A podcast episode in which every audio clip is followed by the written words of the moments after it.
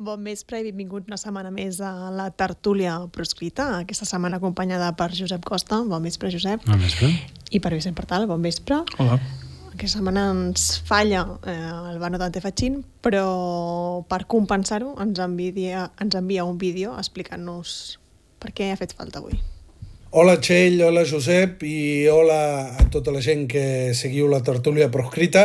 Avui no puc venir a la tertúlia perquè mm, m'han convidat a participar en un acte a Marsella, un acte organitzat pel Sindicat d'Advocats de França. El títol de l'acte és de la desobediència civil al delicte de solidaritat i és un acte on participen advocats i activistes de França, de Turquia, de Grècia, d'Itàlia i eh, a nosaltres ens han convidat per parlar del cas del tsunami democràtic i malgrat que ens coincideix amb la tertúlia hem decidit acceptar. Sabeu que a octubre vam ser investigats per terrorisme, la causa del tsunami democràtic. Sabeu que tant jo com la Marta Sivina eh, hem tingut els telèfons intervinguts i que estem en aquella llista de 115 persones que vau publicar a VilaWeb, persones que d'una manera o d'una altra estem en el punt de mira del jutge García Castellón i això és el que anem a explicar a Marsella. La veritat és que em sap greu perdre'm la tertúlia, però hem decidit acceptar la invitació perquè eh, nosaltres creiem que aquestes acusacions eh, de terrorisme tenen com a objectiu, entre d'altres coses, que ens acollonim. I pensem que la millor manera de donar resposta és justament fer més soroll que mai eh, i explicar el que està passant a tots els fòrums possibles i per això hem acceptat aquesta invitació del Sindicat d'Advocats de França i bé, volia compartir això amb l'audiència, que arreu d'Europa hi ha gent que lluita i gent que continua mirant amb atenció el que passa a Catalunya. Nosaltres anem a explicar-nos, anem a aprendre d'altres lluites i bé, eh, era això. Espero que tingueu una gran tertúlia i ens veiem dijous que ve. Una abraçada. Sembla que l'hagin segrestat, però no, eh? Sí, em faltava posar-se el, el paper de diari, però vaja, quan tires la careta ja faré jo allò de la bateria que faré Vale, d'acord, doncs, si et sembla, Aleix, tirem la careta perquè comencem amb la tertúlia proscrita.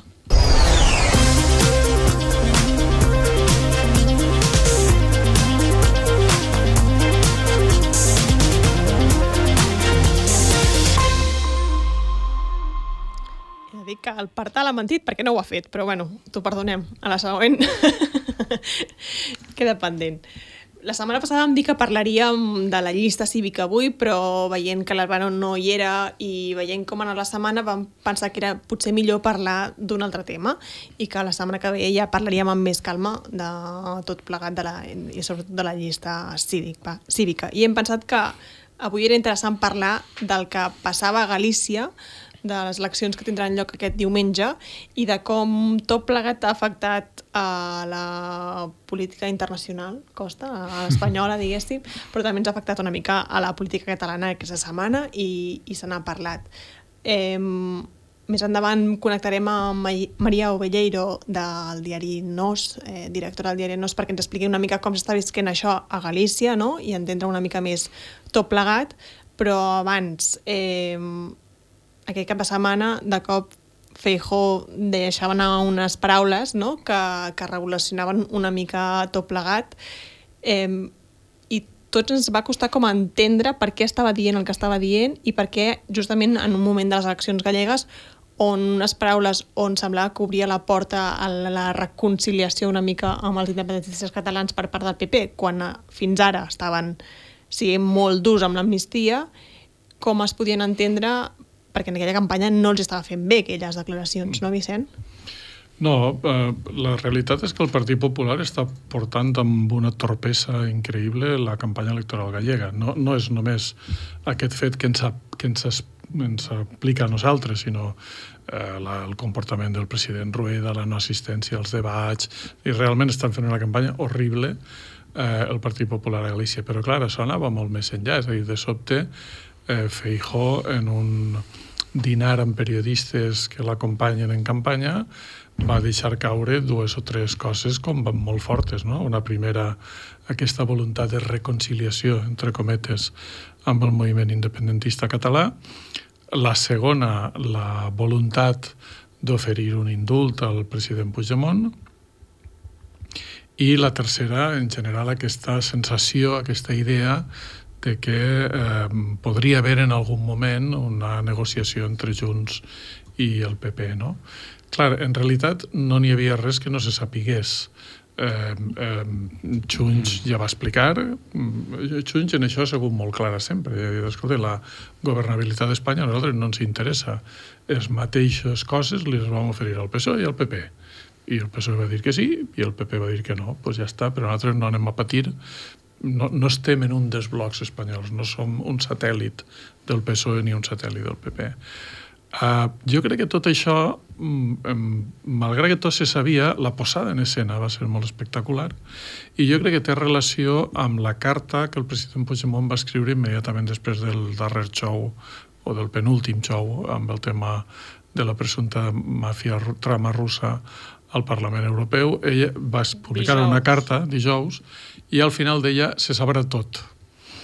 Clar, se sabrà tot, eh, m'imagina que el PP va interpretar, és a dir, que el PP el que va fer va ser entrar en pànic i fer una voladura controlada.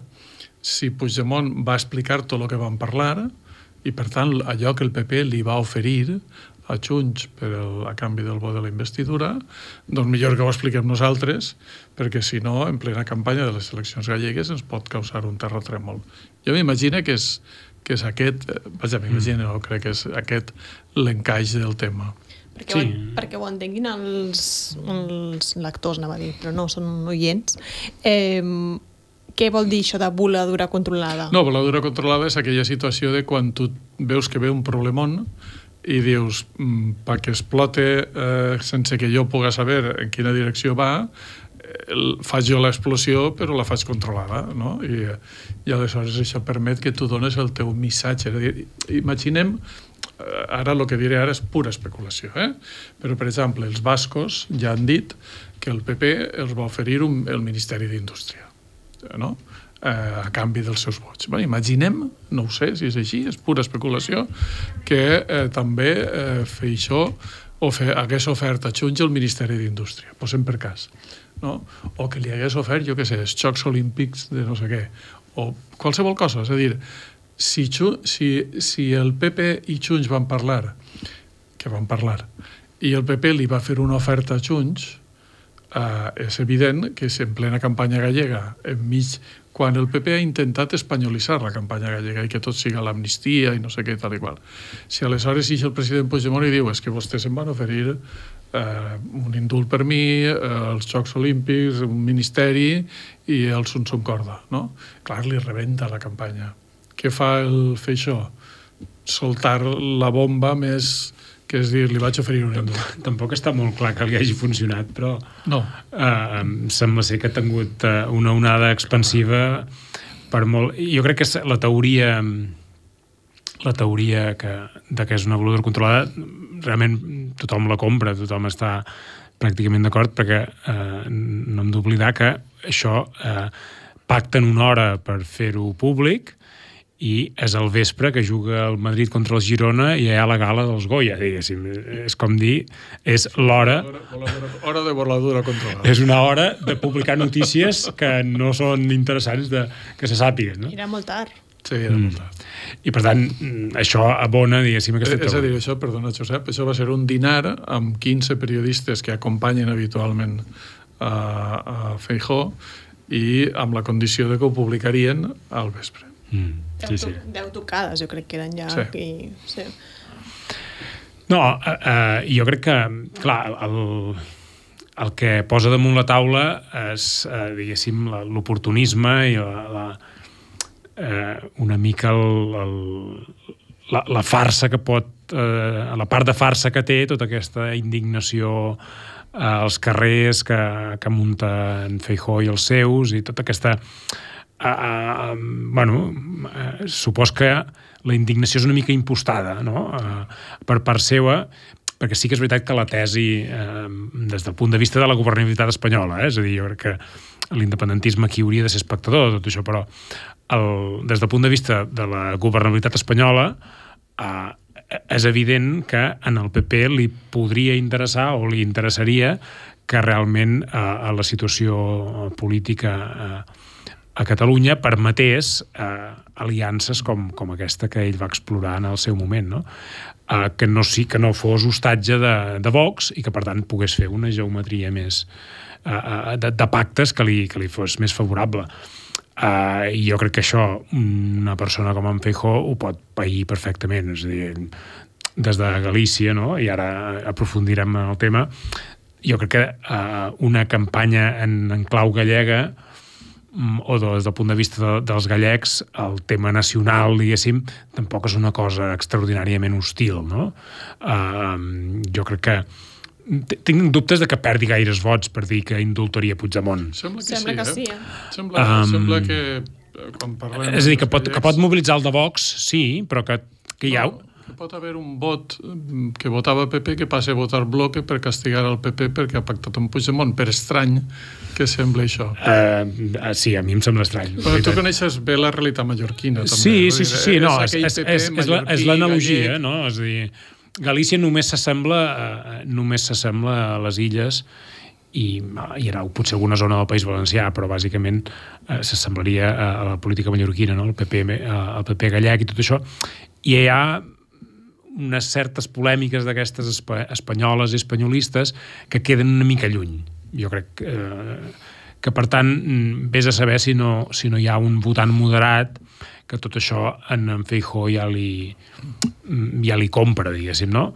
Uh, en tot cas, hi ha la part, si voleu, uh, la part que d'alguna manera, uh, uh, vist des de Catalunya, en, ens, ens reafirmen que, uh, clar, si l'amnistia és digerible pel PP o els indults dels exiliats són digeribles pel PP, potser és que tampoc Mm, aquest argument que s'ha fet servir no? en, en, en entorns polítics catalans, de que la indignació de la dreta espanyola era la prova de que l'amnistia era una gran victòria, potser es dilueix una mica també aquest argument, no? És a dir, si, si, si la indignació que hi ha a Espanya és tan impostada, eh, o hi ha indicis de que pot ser impostada, almenys per una part de, de la política espanyola, eh, voldria dir que aquest argument de... Eh, eh, de que la reacció legitima aquests acords o aquests pactes tampoc té massa substància. Jo, jo veig una mica diferent. Jo crec que uh, precisament el gran canvi que introdueix aquesta última etapa negociadora mm. és aquesta posició que ha agafat uh, bàsicament el president Puigdemont, no sé si Junts, però el president Puigdemont clarament, de dir jo no forme part de cap dels blocs jo no sóc un satèl·lit del PSOE i no sóc un mm. satèl·lit del PP i per tant, i no ho sóc perquè a mi no m'importa el que facin ells m'importa el que puc aconseguir jo no? i com això està desballestant molt la política espanyola perquè clar, que el PP arribi a dir això és molt fort uh, però té una conseqüència també um, pel PSOE, perquè clar, um, dimecres o dimarts de la setmana que ve ha de, han de tornar dimecres. a presentar la llei d'amnistia, no? I, uh, i estan negociant amb Junts i, uh, i aquesta referència per part del PP no li fa cap favor al PSOE. Dir, el PSOE intenta um, col·locar Junts com a satèl·lit seu i, eh, i, i això li, li provoca una dificultat perquè sap que Junts en pot anar en qualsevol moment si li convé amb el PP no? i no per afinitat ideològica de dretes, no sé què, tota aquesta tonteria que diu alguna gent, no, simplement perquè té una aproximació freda, és a dir, nació a nació eh, jo negocio amb Espanya i qui mani a Espanya no és problema meu, jo he de negociar amb tots no? aquí la, la famosa conversa de Puigdemont amb, amb el president del PP mm, europeu, sí, etc etc. Clar, això ha trencat molt, ha quebrat moltes línies. No? Mm -hmm. mm. Com dèiem abans, eh, per intentar entendre millor què, què està en joc aquest diumenge a Galícia, què pot passar a Galícia, eh, connectem amb la directora de Nos Diario, eh, Maria Ovilleiro. Bones noites, Maria. Hola, què tal? Bona tarda. Oh, eh, primer de tot, gràcies per connectar-te, perquè aquests dies suposo que a Nos Diario aneu super de bòlit eh, treballant i, de fet, crec que esteu preparant l'entrevista eh, precisament amb Anna Pontón, que demà publiqueu vosaltres i que també publicarà precisament Vilaweb en català, que tots els lectors de Vilaweb podran llegir demà i que crec que afirmes tu, Maria, no? Vull dir que, que deus estar treballant això, però t'hem robat uns minuts per tant d'intentar resoldre alguns dubtes que ens estaven també sorgint aquí, no? Realment pot perdre la majoria del PP eh, aquest diumenge? Bueno, en primeiro lugar, eh, moltes gracias por, por contar connosco non? Para, para participar aquí neste, neste faladoiro. En resposta á pregunta que me fais, pois, pois efectivamente, non? Eu creo que toda a xente consciente tamén de, de esa posibilidade, a posibilidade máis real na última década, nos últimos 15 anos, por vez primeira, pois eh, existe esta posibilidade de que haxe un cambio político na, na Galiza, o escenario está moi aberto, e todas as enquisas o que apuntaron foi a mesma tendencia, non? Un Partido Popular moi a baixa e un bloque nacionalista galego que medra de maneira exponencial e que foi medrando moito máis conforme foi avanzando a, a campaña electoral. E eu creo que o propio Partido Popular é consciente disto e de que o cambio pois é moi posible, e de aí a súa desesperación, a súa campaña sucia, eh, bueno, estamos vendo non unhas actitudes e un xogo que dista moito de ser democrático. Ah, ara parlàvem precisament de les declaracions de Feijó i aquí hi havia com el dubte de si això li podia afectar o no li podia afectar al vot, no? Perquè el Vicent deia, crec que algun vot del PP passarà al BNG i aquí, sincerament, ens explotava tots el cap com dient, això pot passar realment? A ver, eh, eu creo que pode, pode afectar non todo o que respecta pois as, as conversas non que mantivo o Partido Popular con Jus, que sería o máis normal do mundo, non? Nun, nun sistema democrático, pero despois de todo o que leva feito o Partido Popular de criminalizar todo o que tivo a ver co proceso veranista catalán, creo que se puxo en riba da mesa, non? Pois eh, todas esas mentiras, unhas mentiras que aquí pois xa coñecemos de, de lonxe e as propias lectores e lectores eh, lectoras de, de Vila Web son conscientes diso porque nesa, nesas cartas cruzadas que facíamos Vicent con, con Marcelo pois puñámolo de manifesto cada semana non que o Partido Popular pois fixo da mentira de alguma maneira pois unha forma de, de gobernar non e eu creo que, que este tipo de de cuestións de manobras pois son castigadas polo, polo conxunto da cidadanía. Non sei se tanto como que haxa votos do Partido Popular que poidan ir ao bloque por este motivo, eu creo que por outros motivos pois aínda moito máis, pero sí que igual persoas deixar de votar eh, o Partido Popular e non votar, pois que vexo factible. Em, que el PP perdi aquesta majoria vol dir que el BNG acabarà amb la presidència o perquè també en joc, diguéssim, què farà els socialistes no? després. Eh, aquest acord de les esquerres eh, és claríssim que tirarà endavant o, o potser els socialistes tenen dubtes de fer presidenta a Ana Pontón?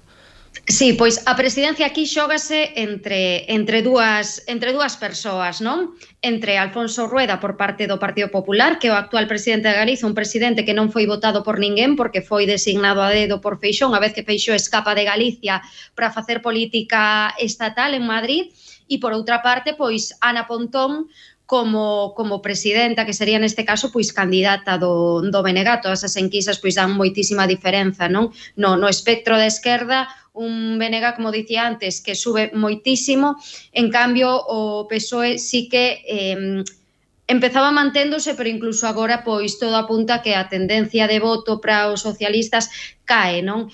Hai alternativa, pois a rueda é realmente o, o BNG e despois tamén hai que ver como pode afectar eh, a fragmentación da, da esquerda, non? O presentarse tanto Sumar como, como Podemos. Això, la fragmentació d'aquesta esquerra, perquè Podemos ha fet vull dir, tots els sondatges diuen que no, que no entraria, diguéssim. Sumar sembla que podria treure alguna cosa, però tampoc ho té molt clar. Com s'ha viscut aquest fragmentament de l'esquerra a Galícia? Si s'ha entès, diguéssim, que crec que avui és genós que, que Pablo Iglesias en un principi havia dit de vot, defensar el vot per BNG i l'últim moment de fe, demanar el vot per Podemos, no? Sí, sí, efectivamente. Hai cousa dun mes aproximadamente Pablo Iglesias públicamente pois eso, viña pedir o voto para pro BNG, non? E, e acaba de, de estar en Galiza, pero bueno, unha visita non anunciada e que non se lle veía moi cómodo porque obviamente pois é consciente de que toda alternativa que, que poda haber a rueda pois eh, sería a, a encabezada polo nacionalismo galego, polo BNG, eh, acompañado polo, polo Partido Socialista. Sen quizas a Podemos ningunha lle dá eh, representación, mm, cero representación, e sumar tería unha moi mínima posibilidade, non?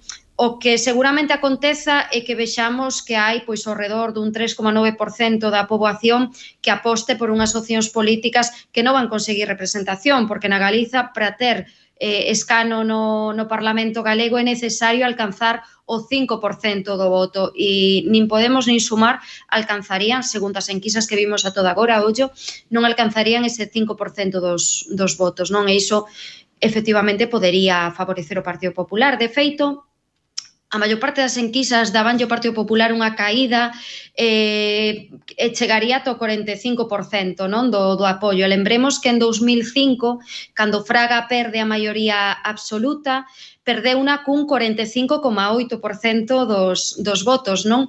E agora, pois, bueno, hai persoas expertas en demoscopia que o que din é que incluso co 45%, por esa fragmentación do voto da esquerda, o Partido Popular podería chegar a manter a maioría absoluta. Uh -huh. I per últim, perquè aquests dies hem vist molts diaris espanyols com mm, dimonitzant, diguéssim, el BNG. Eh, L'altre dia llegia l'Espanyol que, de, que publicava una notícia que deia així seria la, la Galícia del BNG, sense Guàrdia Civil, escola 100% en, en gallec, referèndum de secessió Això no és el programa del BNG. pois mira, eh, o que estamos vendo, ademais, como, como apuntaba antes, unha campaña sucísima, unha campaña na que se está demonizando por completo o Bloque Nacionalista Galego e, o, e, o, e a súa candidata, non? A, a Ana Pontón, con todo tipo de mentiras, e o que máis grave que non só fai o Partido Popular, non? Porque, bueno, están colgando incluso mm, pancartas, por polas vilas galegas, en redes sociais están, bueno, pois outra vez, non, espertando eh, ETA mm, vinculando co BNG de formas pois eh, absolutamente mm, incoherentes que non teñen sentido ningún, pero máis grave ou máis triste é que o Partido Popular está utilizando os medios públicos galegos, está utilizando a CRTVG para facer esa, esa campaña sucia, para difamar é directamente para, para lanzar mentiras contra o BNG, porque polo que apuntaba antes, non, Chel, porque están completamente desesperados e iso percíbese moitísimo, percíbese moitísimo. Están espertando outra vez todas as mentiras alrededor da lingua galega. Lembremos que en Galiza día doxa a situación é tal que está prohibido impartir materias como matemáticas, como física e como química en lingua galega o Partido Popular o que fixo durante todos estes anos foi legislar contra o galego. Xa non só é que se inhibise a hora de mm, protexer o idioma galego, non, é que atuou eh, contra o idioma galego, non? Ainda así están espertando pois todos eses medos. Fai moita gracia porque aínda nas redes sociais publicábase non estes días pois como en 2005 Fraga decía que se si gobernaban o PSOE e o BNG que Galicia iba a sufrir terrorismo, non? Estás estás alentando todo, parece que todo vale eh, con tal de, de desprestixar o BNG porque son conscientes de que o BNG a día doxe pois, é, o, é a formación política que, que concita máis apoio, non? Estamos vendo que ali onde vai Ana Pontón pois eh, ten unha capacidade de penetración, de, de convicción enorme. Vicent, Josep, no sé si voleu fer alguna pregunta a la Maria. Jo, només un, un detall, què tal, Maria? Uh, creus Hola. que pot ser que uh, aquesta demonització del BNG i aquesta campanya també estigui pensada per dificultar el que el PSOE la investeixi, a la candidata del BNG? És a dir, que sigui una estratègia postelectoral de fer-li impossible o quasi impossible en el PSOE espanyol investir una presidència del BNG? Bueno, eh, a ver, o PSOE que estamos vendo é que, que tampouco está acabando de, de entrar en xogo nesta campaña, non? E sí que é certo que, a ver, o Partido Popular, pois en anteriores campañas, en anteriores citas electorais, o que facía era sempre atacar o terceiro en liza, que tamén era, era daquela o BNG e non, e non o PSOE. Agora estamos vendo como lle permiten ou mm, como lle dan oxígeno, como lle dan aire, non?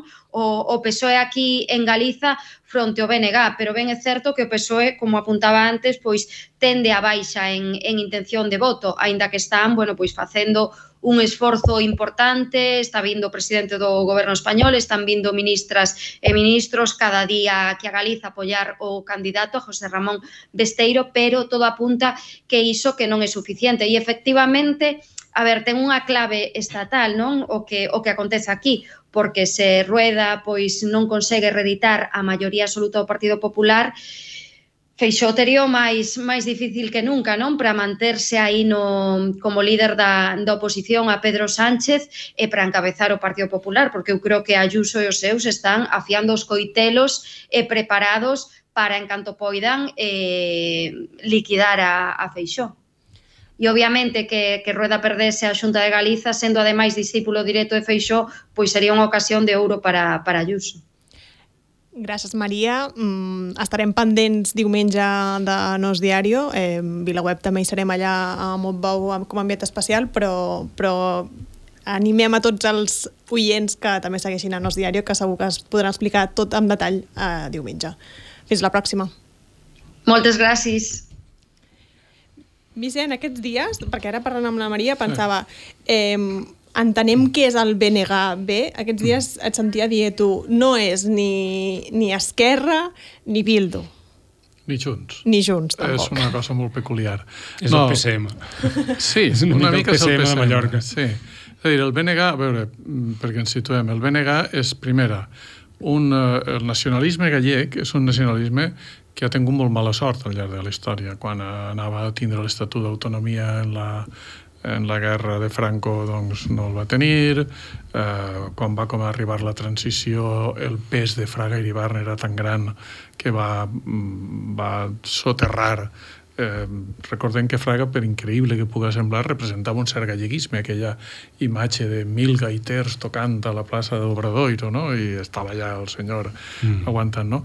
I ara, finalment, després de molt de treball i d'haver-ho fet molt bé, s'han situat en una posició única, que és que són l'alternativa. És a dir, és o ells o el PP el PSOE l'han fet desaparèixer. No?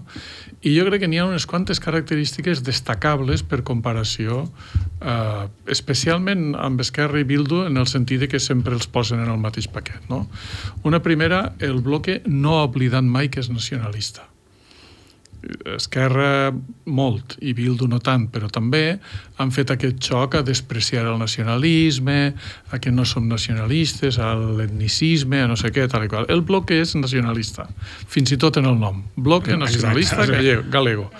No, no tenen cap dubte de que ells són nacionalistes, anticolonials, antiimperialistes, tenen una tradició d'esquerres molt profunda, però no fan aquestes jugades estranyes d'intentar dissimular el que són. No? Dos, és molt curiós perquè la força, eh, el poder del bloque continua tenint-lo la UPG, la Unió de Povo Galego, que és un partit comunista marxista-leninista. Eh, però han sabut mm, ser generosos, diguem, a l'hora d'agrupar a tothom allà dins del bloque. I, de fet, el bloc ha tingut infinitat de decisions. Ni jo mateix arribe a recordar-me de totes les decisions que ha tingut, però, per exemple, en aquesta campanya amb Anna Pontón s'han posat d'acord moltes de les antigues decisions. Per exemple, eh, Beiras, que és una figura patriarcal del nacionalisme gallec i que publicarem una entrevista amb ell dissabte a VilaWeb, Beiras finalment ha dit no, no, Anna Pontón i Bloque i tal, i han aconseguit això, no? perquè el Bloque mira la seva història, la història del nacionalisme, del patriotisme gallec, amb uns ulls molt oberts. És a dir, ells no són són d'esquerres, no n'hi no ha cap dubte en aquest sentit que són d'esquerres, però reivindiquen el galleguisme de dretes, que reivindiquen les figures històriques, Castelà, no sé què, tal i qual, i no fan una lluita a l'intern de Galícia l'esquerra gallega contra la dreta gallega, sinó que sempre, des d'una posició anticolonial molt clara, és nosaltres contra Espanya. I això és el que els diferencia. A Madrid, per exemple, l'únic vot del bloc nacionalista gallec no el pots comparar. És a dir, si, Bildu i Esquerra avui efectivament estan satelitzats al voltant del PSOE, això no passa amb el BNG. I el resultat, que això ahir ho comentava en Costa i crec que això ho puc comentar millor, millor ell, és que aquí, als països catalans i a Euskal Herria, l'alternativa és o un nacionalista o PSOE, i en canvi a Galícia l'alternativa ja és o BNG o PP, és a dir, el PSOE ja està destruït a Galícia. I el PSOE és el pal de paller del règim. I destruir el pal de paller del règim, més que el PP, i destruir el pal de paller del règim és fonamental, i això els gallecs sí que ho han aconseguit. Suposo que molta gent, això que acaba de dir, el PSOE és el pal de paller més que el PP, els hi suspendrà aquesta frase. No, el PP, el PP és l'aparell de la dictadura continuat, però qui justifica el pas de la dictadura, aquesta cosa que tenim ara, i qui aguanta aquesta cosa que tenim ara és el PSOE, el PP. No, i, no, no hi, ha, hi ha una cosa que a les facultats de ciència política ja la comentàvem als anys 90, que és que sociològicament el, el partit que més eh, diguéssim, reprodueix eh, eh, la diversitat de l'estat espanyol a nivell territorial i és més homogeni a la seva base és el PSOE. El PSOE és, el PSOE és l'únic partit, tampoc n'hi ha tants per triar, no? però és, dir, és l'únic partit que ha tingut la presidència de totes les comunitats autònomes de l'estat espanyol. El PP no ha arribat mai a tenir opcions de govern ni a Catalunya ni al País Basc.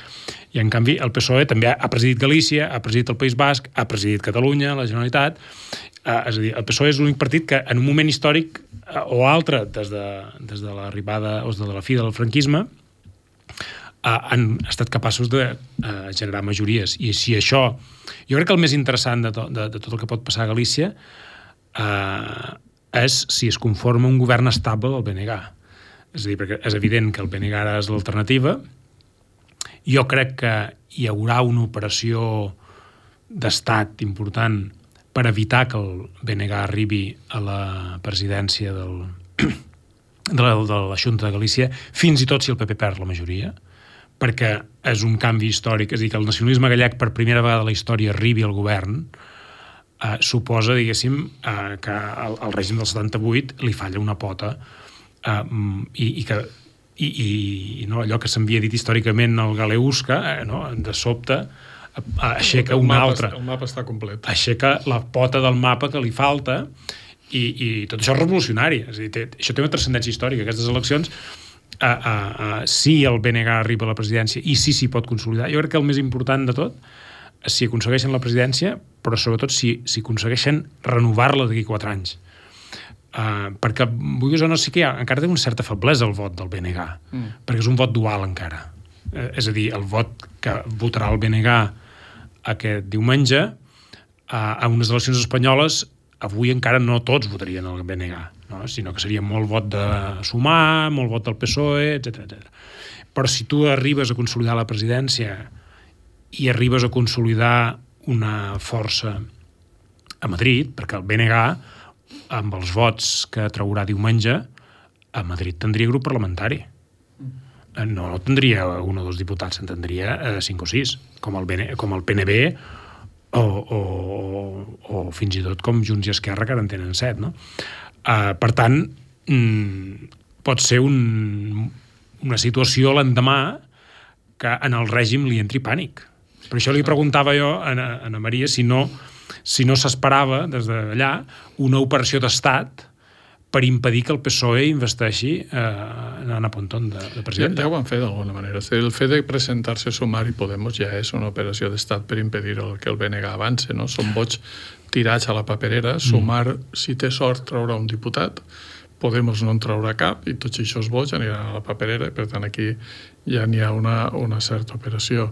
N'hi ha un factor que no hem comentat, que és un xicotet partit, que és Democràcia Orensana, que és, mm. que és d'Orense, i que si, el, si depèn d'ell la presidència de la Junta, jo crec que el PP li comprarà una illa al Carib i, i, i, el que fa falta perquè, sí. perquè li donen el vot, però fins i tot si arribara a la circumstància en què efectivament el, el BNG pot fer-se en la presidència, a mi em sembla que dependrà molt diumenge de la distància entre el BNG i el PSOE. Mm. És a dir, en aquests moments les enquestes estan donant que el PSOE perd un o dos diputats i que podria arribar a quedar-se en 12 i que el BNG en guanya 5 o 6 i que per tant està allà en els 30 i no sé quan.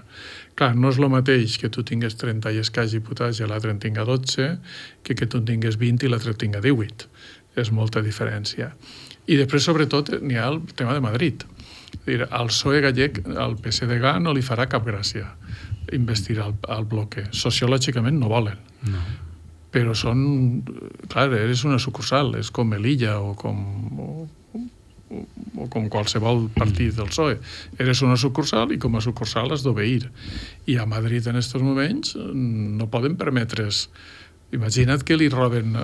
Que, imagina't que el, el, el PSOE pacta amb el PP la presidència de Galícia. Clar, és que això no pot fer-ho. És que si ho fa... Eh... No, però el règim del 78 tampoc no es pot permetre no, no, tenir clar, un altre clar, nacionalisme clar, a l'estat espanyol. Clar, clar. No, sobretot perquè completa el mapa. Clar. És a dir, uh, si el BNG jo, jo crec que ja és molt important el que està fent el BNG ara. Però imaginem que arriba a la presidència. El BNG arriba a la presidència. Si tu tens un Parlament basc on el 70% del vot és del PNB i, i d'Euskal Herria Bildu, i si als països catalans tens el Parlament de Catalunya com està i la força que tenen PSM, Compromís i el moviment nacionalista al país, és evident que l'Estat està en crisi. Perquè ja no és el problema català, mm eh, o el problema basc. És, hi ha una constel·lació que és eh, la constel·lació històrica, és el debat que existeix sempre, la, el centre contra la perifèria. No? I això jo crec que els posaria molt nerviosos. Als, al, a Espanya la posaria molt nerviosa.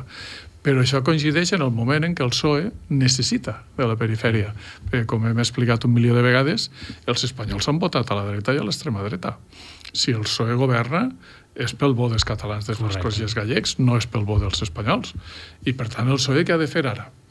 Eh, és en, en aquesta... Però vull dir que si ara tenen una guerra, diguéssim, uh, uh, incruenta pel, pel poder arran dels de, pactes amb, amb independentistes catalans i independentistes bascos, afegeix-hi la traïció a Galícia, sí, també, sí, sí, no? Sí, és a dir, que, per tant, el colpisme espanyol, és a dir, la pulsió colpista sí, espanyola s'incrementa encara per un altre front.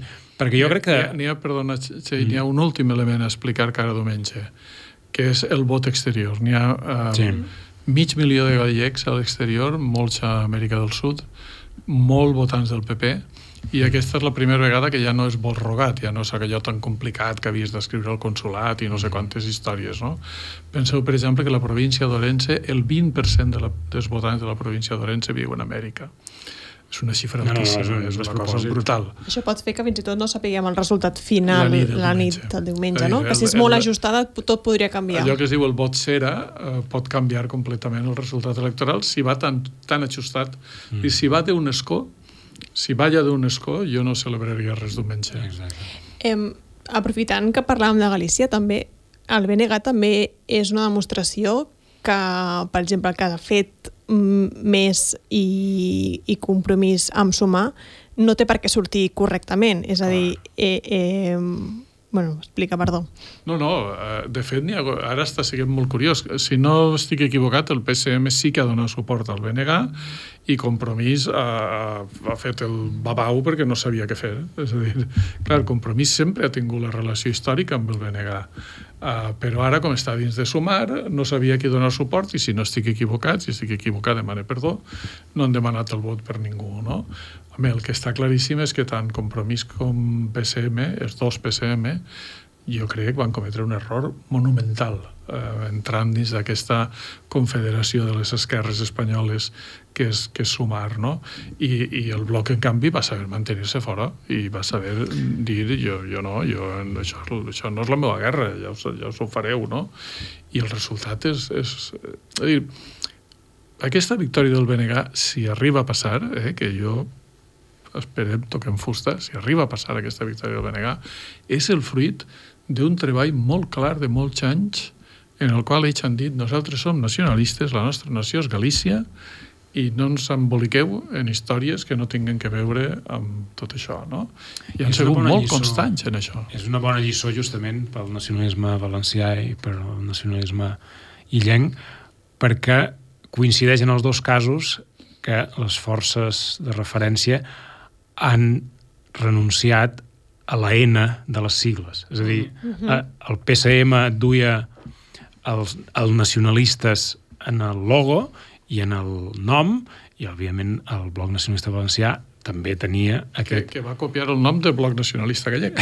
es deia Bloc Nacionalista Valencià copiant el nom però, dir, al final, l'estat espanyol, eh, no em voldria equivocar, però eh, l'únic partit eh, d'esquerres que du la paraula nacionalista en el nom és el bloc, ja. Uh -huh. És a dir, tots els partits nacionalistes d'esquerres que quedaven eh, ja han, diguéssim, bandejat del seu nom el mot nacionalistes i a Mallorca i al País Valencià no els hi ha anat especialment bé, diguéssim. Eh, eh, I el bloque, en, que ha mantingut aquesta denominació i aquesta bandera, eh, els hi va prou bé. També és veritat, hi ha una cosa que no sé si si s'ha parlat gaire últimament, i ara jo no he mirat les dades, per tant no me'n record quin, quin any va ser, però hi ha una vegada, hi ha unes eleccions que el BNG ja va ser la segona força a Galícia. Uh -huh. Evidentment va ser unes eleccions que el PP va tenir majoria absoluta i no es va consolidar com a alternativa en el PP, però sí que hi ha una legislatura, hi ha quatre anys, en què el BNG ah, és, és el partit... En aquests moments Ana Pontón és la líder de l'oposició. És el principal partit Uh, però diguéssim, abans diguéssim, uh, uh, uh, hi va haver una legislatura que va assolir aquest estatus de primer partit de l'oposició i el va perdre, i el, P el PSOE es va, va remuntar i va tornar a recuperar això. Jo crec que efectivament si en aquestes eleccions el BNG treu el doble de diputats que, que el PSOE, que és relativament factible, això ja crec que és ja irreversible. Marca. Ja marca. No, jo crec que el que és molt interessant és... Eh, perquè nosaltres estem molt ofuscats en les coses que fem malament nosaltres, i és normal, som, fem tantes que és normal que ens ofusquem en el que fem malament nosaltres. Però no ens agrada mirar a la cara la crisi espanyola, que és una crisi monumental. L'estat espanyol estava posat en una situació de crisi grandíssima i està posat per l'acció, bàsicament, de l'independentisme català, que és el que fa saltar pels aires tota l'estructura de poder i obliga l'Estat a actuar de manera dictatorial i això accelera i, i agreuja la, la crisi i eh, Espanya s'ha convertit en, en un país assetjat, diguem, per, per, per aquest odi i aquesta, aquesta sensació de que se'n van eh, de que se'n va a Catalunya, de que se'n va a Euskal Herria i si ara li pots afegir que se'n va a Galícia encara més, no? Que és una constant històrica però que és una qüestió històrica que l'espanyolisme en determinats moments ha aconseguit rebaixar.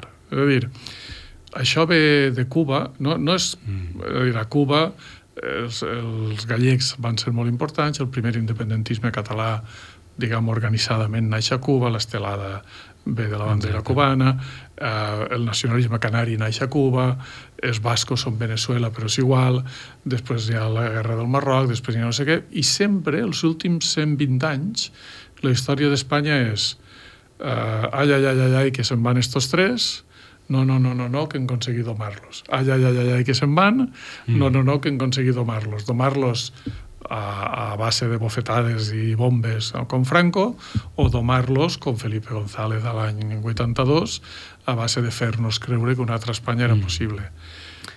Però ara la, el, el, el forat en el qual s'ha acabat Espanya és molt fort en el tema català especialment, mm. perquè eh, és una evidència que eh, això no n'hi ha democràcia en Catalunya, no, no, no, no existeix ja, i Espanya només ens pot mantenir a la força.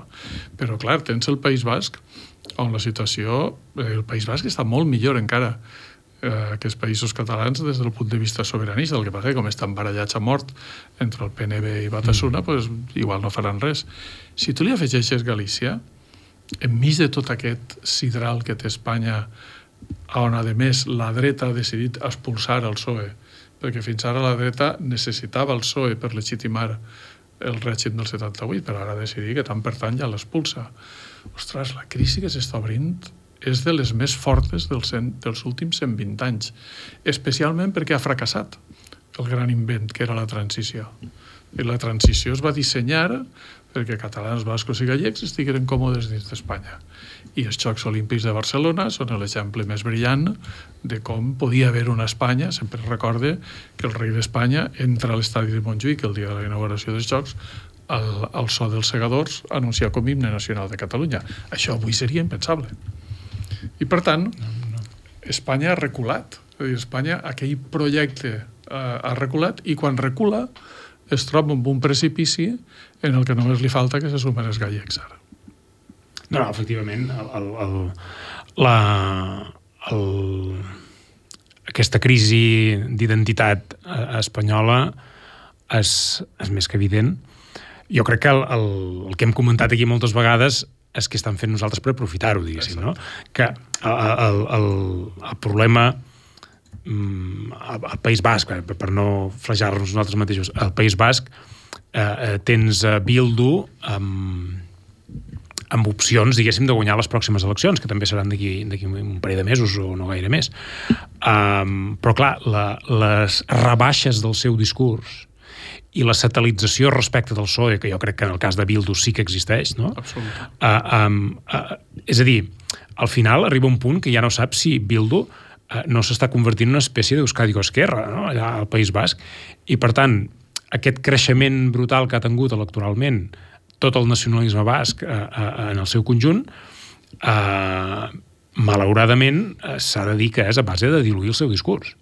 Perquè el PNB, d'alguna manera, es torna a consolidar com la força hegemònica eh, desfent-se d'Ibarretxe, és a dir, bandejant tot el pla Ibarretxe i, i, i tornant a, a, en aquesta centralitat, així, no? Aquest, aquesta moderació eh, eh, prèvia i després eh, Bildu, amb, amb la fi de, de les armes, eh, s'ha podemitzat, diguéssim, d'una manera eh, bueno, una, una velocitat eh, sorprenent, no? I després això s'ha contagiat eh, amb Esquerra Republicana, que també, diguéssim, per la via d'emmirallar-se amb el creixement de Bildu, ha acabat fent el mateix que Bildu, que és satelitzar-se del PSOE. No?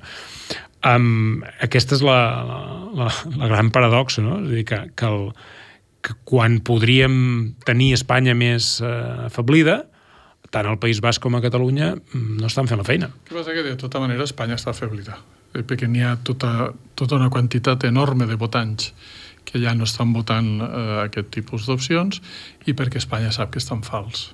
Espanya sap que està aguantant la situació a base de violència i a base de xantatge, però només a base de violència, a base de d'antatge, no convenç. No, ha, no, no és capaç de convèncer a les poblacions de que val la pena ser espanyol. No, I aquest és el seu aconsegueix convèncer això que en deies avui a l'editorial els partits d'empresa, no? És a dir, eh, bàsicament ara té la situació dominada eh, en base a tenir segrestats eh, a tota la classe política eh, del país amb la història de l'amnistia i que si no hi ha amnistia serà uns indults i si no serà una altra amnistia, és a dir, és aquesta idea de que eh, en, en, heu de fer bondat i m'heu de donar suport a mi, no? el PSOE viu d'això i, i, el, i, el, i jo crec que encara, i abans parlàvem del,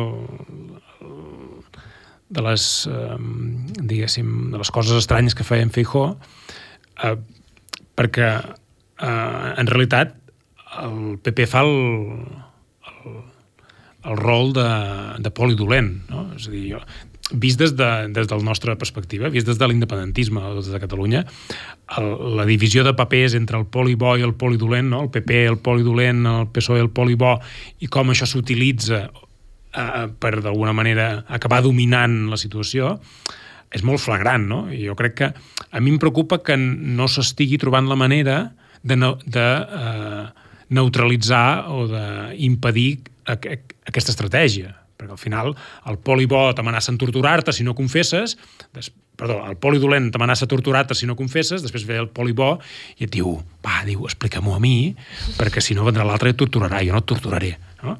I per tant, aquest joc de polibó i polidolent eh, sí, l'únic que crec que discreparem és si eh, hi cau tothom o només la meitat de l'independentisme, però al final els està funcionant. Sí, sí.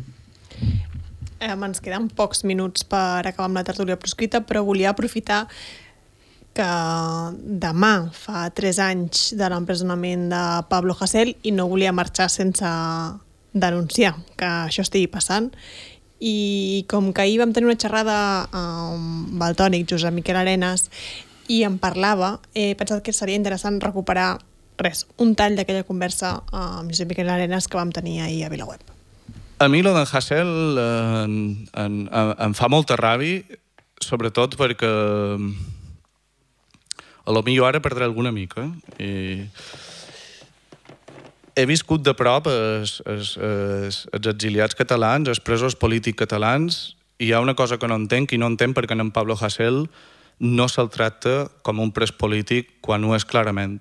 És a dir, no, té, no entenc, mai entendré perquè ell no pot tenir els mateixos beneficis, entre cometes, que tenien els altres presos polítics. És a dir, crec que nosaltres, si en Jordi Cuixart li han de fer una colonoscòpia i li fan fer manillat, jo crec que cremam el país i que la Generalitat, per exemple, no, no, no hagués permès. És a dir, en Pablo Hasél ha denunciat clarament que ell està en unes condicions pèssimes i que, i, i que fins i tot té un virus a sa panxa i que, i que la presó de Lleida s'ha de tancar, que fins i tot això m'ho va dir en Raül Romeva, em va dir, hòstia, que, és que aquella, aquella, presó, aquella presó és lamentable, aquella presó s'ha de tancar. És a dir, no entenc per què ell no pot tenir els mateixos beneficis que han tingut els altres eh, presos polítics com a pres polític si ell s'ha reivindicat i crec que la majoria de, de, de, de, de, de la ciutadania independentista consideren Pablo Hasél un pres, un pres polític més. Per una altra banda, tampoc entenc eh, que no s'expliqui que l'únic músic tancat a la presó en democràcia estigui a Catalunya. Mm, posar sobre la taula una cosa, no? que és eh, està, la Generalitat podria fer més per Pablo Hasél? És a dir, d'acord, està a la presó perquè ho ha sigut un jutge espanyols, d'acord, però eh, amb els presos polítics catalans va quedar demostrat que la Generalitat podia fer coses a, a alleugerir aquesta presó com a mínim. Jo, jo diria al revés. Jo crec que la Generalitat està aplicant a Pablo Hasél eh, unes restriccions que no aplica a qualsevol pres.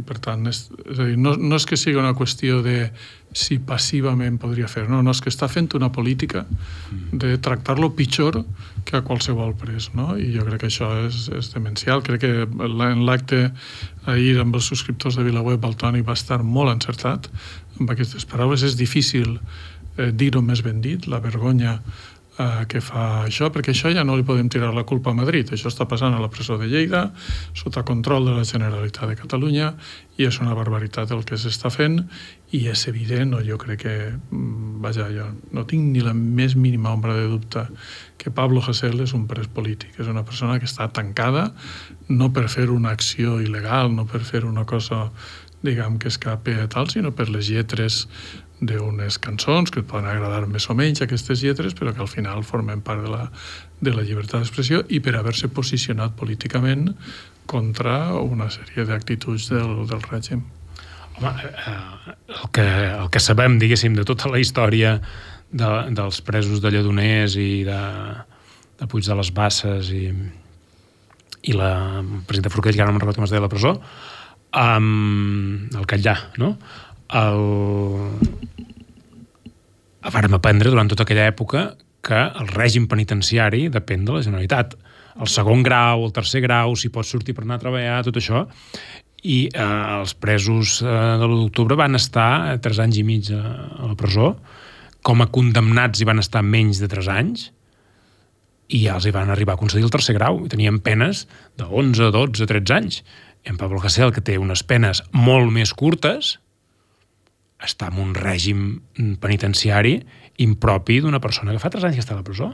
És a dir, amb 3 anys que tu complerts de pena, que eh, deuen ser, ja, ja ha complert alguna pena sencera, com que té diverses penes, ja ha complert penes senceres i no li queda tant per complir com li, va, com li quedaven els presos de l'1 d'octubre quan els hi van donar el tercer grau, en, en, en Pablo Hasél el tenen allà tancat amb un règim que jo crec que és de càstig estic d'acord. No s'explica de cap manera que no tingui un règim penitenciari molt, favorable, molt més favorable quan eh, eh, no eh, en el cas que siguin presos polítics que els donis un tracte preferent, sinó en la normalitat de qualsevol pres amb les penes que té en Pablo Hasél ja estaria en tercer grau. De fet, no només és Gassel, no? Eh, aquesta setmana Clara Ardèpol publicava a VilaWeb eh, un reportatge on explicava que la majoria dels encausats per les protestes per la seva llibertat encara tenen els casos oberts, és a dir, que encara estan judicialitzats i que aquests no es podran, no es podran acollir a la llei d'amnistia. És a dir, que aquests han quedat fora de la llei d'amnistia, malgrat que crec que no s'entendrien aquestes protestes sense el procés independentista. I que, que, que aquesta és la gravetat de lo que està passant en la llei d'amnistia. La llei d'amnistia, qualsevol llei d'amnistia, amnistia tots els fets que passen en un determinat procés polític sense posar-se a discutir si aquest sí, si aquell no, si aquell ha fet no sé què, si aquell ha fet no sé quantes. Si no, no és una amnistia. I jo, soc, i jo estic d'acord en que eh, si bé els fets que Pablo Hasél comporten la seva posada en presó no són directament relacionats al procés sobiranista, sí que té a veure amb l'ambient que es genera a Catalunya. I tots ja ho recordem, la, la reacció a la protesta... Segurament els fets no tenen a veure, però la seva condemna sí. També, també, no? I per tant hauria d'entrar plenament en l'amnistia. És que si no, no té sentit, però vaja, ja estem veient com va això de l'amnistia aquesta, no? Que no... Veurem, la setmana que ve veurem si han trobat un desllorigador que arregle alguna cosa, però de moment la situació és, és molt estranya, perquè a més ens tenen en un lloc aquí que és mm, nosaltres defensant-nos de que no som terroristes, que és ridícul, és la cosa més pallassa del món, eh, quan hauríem d'estar mm, tenint una amnistia que, que no tinguera discussió de res i que abraçara tothom i que tinguera tothom, eh, diguem, que, que va tindre alguna cosa a veure. Però bé, la setmana que ve... O l'altra, de saber. Bé, vés a saber. Els terminis parlamentaris En principi, el termini hauria de ser la setmana que ve i a la tertúlia de la setmana que ve sabrem. n'hauríeu de parlar amb l'Albano Però en tot cas, el- si ha tornat de Marsella. Els terminis parlamentaris ja se sap que sempre es poden prorrogar i mai saps quan, quan s'acabaran de, en realitat. El termini per això que la tertúlia torna dijous que ve eh, és clar, per tant ens veiem dijous que ve, fins dijous que ve.